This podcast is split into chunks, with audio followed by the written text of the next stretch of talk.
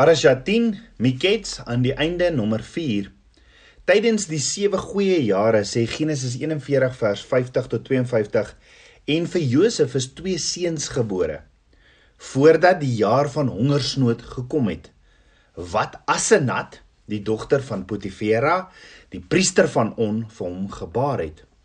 En Josef het die eersgeborene Manasse genoem want het hy gesê God het my al my moeite laat vergeet en ook die hele huis van my vader. En die tweede het hy Efraim genoem, want het hy gesê God het my vrugbaar gemaak in die land van my ellende. Toe het die 7 jare van oorvloed wat daar in Egipte land was ten einde gekom. Daar's hierdie prentjie in Hebreëus wat hier vir ons geskets word uit Josef se lewe wat ten spyte van wat met hom gebeur het en ten spyte van die mantel wat hy gedra het en ten spyte van die feit dat hy 13 jaar in Egipte was, het hy nooit deel geword van Egipte of Mitzrayim nie. Met ander woorde Josef was in Egipte, maar nie van Egipte nie. Josef het net het, het het net nooit deel geword van Egipte of die wêreld nie, want toe dit kom dat hy sy kinders moet noem, toe gee hy hulle twee Hebreëse name. Omdat Josef was nou tweede in bevel in Egipte. Hy het in hy het 'n Egiptiese vrou gekry as 'n Asenat, die dogter van Potifera, die priester van On. Selfs Farao het vir Josef 'n ander naam gegee en hom genoem Sefenat Paneah. Met ander woorde Josef was absoluut in Egipte, maar nooit ooit was Egipte in hom nie. Want Josef gee sy twee seuns Hebreëse name daar waar sy wortels geplant is of van waar hy waar hy kom nê. Nee. Ten spyte van die feit dat dit sy eie familie was wat hom verkoop of weggestoot het en hom seer gemaak het, het dit hom nie verander van wie hy is nie. Josef sê my eerste seun sal Manasse genoem word en my tweede een, my tweede seun Efraim. Nou net as ons na die Hebreëse prentjie kyk wat geskets word met die benaming van Josef se kinders, sien ons Josef se hele lewe. Josef se twee seuns wat die mees prominentste stamme sou word van Israel in die toekoms.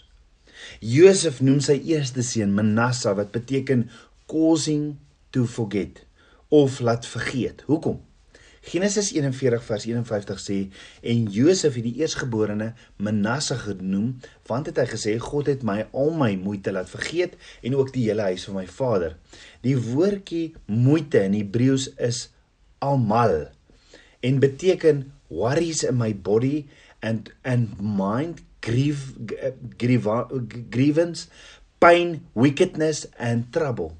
Met ander woorde Josef sê ek noem hom Manasse want Abba Vader het my laat vergeet van al my moeite of van al my moeilikheid of van al my seer van al hierdie harde tye in my lewe en van my vader se huis.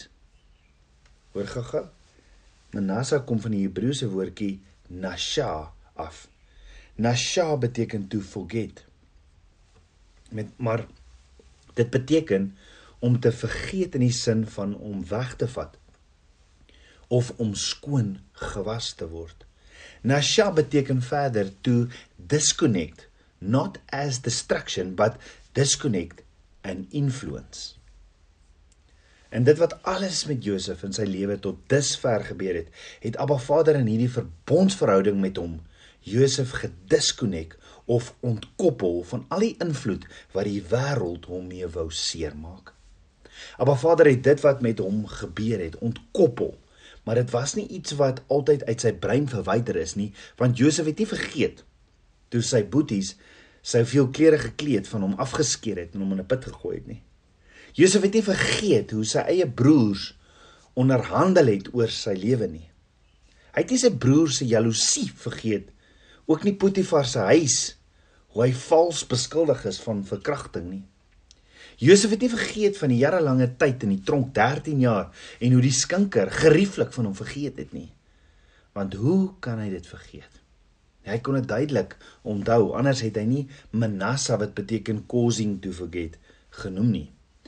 Maar binne in hierdie naam van sy eerste seun gee hy vir Abba Vader die eer omdat Abba Vader die invloed van al hierdie seer en hierdie pyn en die bitterheid op sy lewe afgesny het en hom vrygemaak het daarvan. Jy sien as ons berading doen, is dit belangrik om te gaan kyk wat is die oorsaak van sekere dinge in jou lewe of wat het gebeur toe jy klein was. Dan is daar sekere dinge wat gebeur het wat jy nie kan onthou eers nie en sekere duidelike dinge wat jy kan onthou wat jy bitter graag wil vergeet soos die molestering of misbruik toe jy 7 jaar oud was. Dan is dit asof ons net wil vra Abba, vat hierdie gedagtes uit my kop uit. Ek wil dit vergeet want ek kan nie ophou daaraan dink nie. Maar dalk wil Abba Vader eerder vir ons vra om te nasha en om te verstaan wat die bloed van die lam in ons lewens doen. Want sien die bloed van die lam vat hierdie omstandighede, hierdie dinge wat ons wil vergeet van ons en maak dit ons getuienis. Openbaring 12 vers 11 sê en hulle het hom oorwin, die vyand oorwin deur die bloed van die lam en deur die woord van hulle getuienis en hulle het tot die dood toe hulle lewe nie liefgehad nie. So in plaas dat die omstandighede Josef beheer het en in selfbejammering verval het, sê Josef, loof Abba Vader. Hy het my ontkoppel. He disconnected me. Abba Vader het die invloed van al hierdie sleg in my lewe het hy afgesny soos met 'n swaard. Abba Vader het my skoon gemaak van myself sodat ek hom nog steeds kan aanbid in waarheid en in gees en die droom wat hy vir my het en dis vrymaking deur die bloed van die lam. Dalk is daar iets wat hou vas vandag nog op jou lewe het. Abba Vader sê deur die bloed van die lam maak hy jou los van daardie hou vas. Johannes 8 vers 36 sê as die seun julle dan vrygemaak het sal julle waarlik vry wees. Abba Vader het Josef vrygemaak en daarom het hy sy eerste seun Manasse genoem. Abba Vader het nie vir Josef vrygemaak in die sin van hy gaan sy broers afskryf nie. Nee, Abba Vader het die invloed van die afguns, die invloed van die jaloesie, die vernyn en leuns wat dit op Josef se lewe gehad het, afgesny. Hoor gou, vergifnis is nie net is nie goedkeuring met wat met jou gebeur het nie. Vergifnis is nie goedkeuring met wat met jou gebeur het nie. Of vergifnis is nie goedkeuring van sonde nie. Nee, vergifnis is 'n swaard in 'n Abba Vader se hande wat dit wil afkap, wat jou wil vashou sodat jy kan leef in vryheid en in daardie droom wat Abba Vader vir jou het. Maar ek moet dit maar ek moet dit vir Abba Vader kan vat. Ek moet dit by sy voete kan neerlaat, neerlê en hom toelaat om hierdie goed van die verlede af te kap. Abba Vader wil net so in jou lewe vandag dit kom afkap wat jou vashou. Al is dit goed wat mense aan jou gedoen het wat die naaste aan jou is, maar jy moet vergewe. Abba Vader wil dit kom afkap deur die bloed van die lam. In jou gedagtes gaan jy dit dalk nog onthou, maar dit word dan heeltemal omgedraai. In plaas dan dat die gedagtes jou bind, word dit die getuienis wat die vyand oorwin en dit word die getuienis van die grootheid van Abba Vader van dit waarvan hy jou vrygemaak het. Met ander woorde, Tabernakels kind van Abba, vergifnis gaan oor jy wat vrygemaak word van dit wat jou wil bind. Opregte vergifnis in jou hart is as jy vir Abba Vader sê, Vader, ek vergewe hom of haar vir wat hulle in my lewe gedoen het. Dan kom Nasha hierdie ontkoppeling van die invloed en ek kan verder beweeg in daardie in daardie autoriteit wat Abba Vader vir my het in sy droom vir my lewe. Jy sien versoening en vergifnis is nie dieselfde ding nie. Versoening is verseker Abba Vader se wil, maar versoening of rekonsiliasie vat soms tyd en dit is 'n proses. So as jy iemand vergewe het, vir wat hulle aan jou gedoen het en dit voel asof dinge nog nie reg is tussen julle nie. Dis versoening of rekonsiliasie. En dit moet jy los want dit neem tyd, maar vergifnis maak jou dadelik vry. Josef se tweede seun noem hy toe Ephraim. Dit beteken double portion fruit. Met ander woorde, die oomblik wat ek Abba Vader, ja, Yahweh Elohim toelaat om my van my verlede te ontkoppel, dra ek 'n dubbele deel vrug. Alles tot sy eer. Romeine 8 vers 18 sê, want ek reken dat die lyding van die teenwoordige tyd nie opweeg teen die heerlikheid wat aan ons geopenbaar sal word nie. So wie terugkeer na hierdie verbondsverhouding met Abba Vader, sal vrygemaak word van hierdie bekommernisse en van hierdie seer van die verlede en sal dubbel vrug kan dra vir sy glorie en sy eer. So Josef word aangestel vanuit die tronk na 'n posisie van eer, van autoriteit, van glorie en waar die hele aarde se mense voor hom buig. Hoekom het Josef toe nie sy posisie van autoriteit gebruik om die leuen wat Potifar se vrou oor hom gebring het reg te stel nie? Of hoekom het Josef nie vir sy pa gaan kuier of selfs net vir hom 'n brief geskryf en gesê: "Pa, ek lewe en ek's okay nie." Jy sien so baie keer sal ons sê as ek dit bereik of ek kom eendag daar uit, dan gaan 'n paar mense les op sê. Vir al die seer wat hulle my aangedoen het, nê. Nee. Josef was oornag in die posisie om sy naam skoon te kry. Maar hy het nie. Hoekom nie? Want by Josef het dit nooit gegaan oor Josef of oor menslike opinies nie. Nee, sien soms raak ons so besig met bekommernisse oor menslike opinies dat ons ons verhouding met Abba Vader vorm rondom dit. En Abba Vader wil dit vandag nasha. Hy wil ons ontkoppel van hierdie bekommernisse want dit gaan nie oor my en jou nie. Daarom het Josef nie met al die autoriteit wat hy gekry het oornag gou-gou dinge gaan regstel wat verkeerlik oor sy pad gekom het.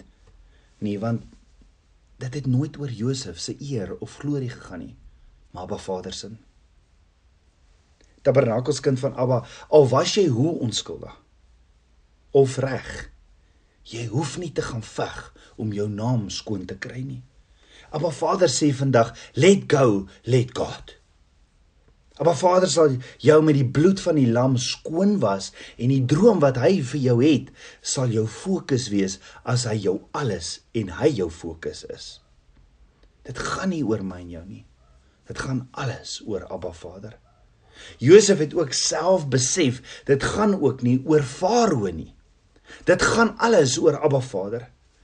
Kind van Abba, dalk sê jy ja, maar dit wat in my verlede gebeur het, was nie reg nie en en en en jy het so so seer gekry en en jy het dit nie verdien nie.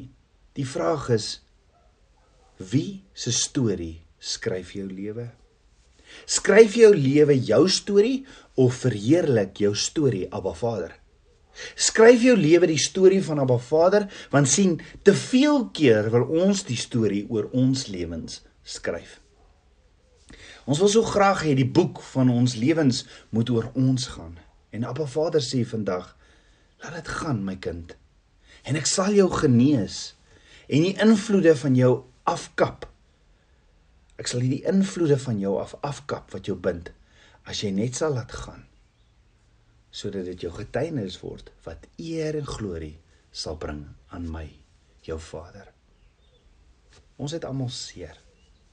Ons het almal 'n storie. Maar die vraag is vandag, Tabernakelskind van Abba, wie skryf die storie oor my en jou lewe? Is dit die eie ek of is die pen in Abba Vader se hande? Hy wil jou genees. Hy wil jou opdaag. Hy wil vir jou autoriteit gee. Hy het jou hy het vir jou 'n droom, Jeremia 1 vers 5. Kan dit die storie wees wat geskryf word wat hom verheerlik. Mag ons soos Josef ons Vader verheerlik. In Johannes 2 vers 15 tot 17 sê: Moenie die wêreld lief hê of die dinge wat in die wêreld is nie. As iemand die wêreld liefhet, dan is die liefde van die Vader nie in hom nie. Want alles wat in die wêreld is, die begeerlikheid van die vlees, die begeerlikheid van die oë en die grootsheid van die lewe is nie uit die Vader nie, maar is uit die wêreld. En die wêreld gaan verby en sy begeerlikheid maar hy wat die wil van God doen, bly vir ewig. Hoekom nie vandag? Vir Vader weer die pen gee sodat hy sy storie oor jou lewe verder skryf nie. Kom ons bid saam. Aba Vader, koning van my hart. Vader, ek loof en ek prys U. Vader, ek kom lê my hart voor U neer. Vader, as daar enige onvergifnis in my is, wys my, Abba. Ek wil dit vir U gee sodat U my kan ontkoppel van die invloede en dat dit my getuienis sal word wat 'n groot wat U groote groote naam sal verheerlik. Vader, hier is die pen. Skryf my lewe, skryf U storie oor my lewe. Was my van die eie ek en kom leef U droom deur my. Ek bid dit alles in Yeshua Messie se naam, die seun van Jahweh. Shalom.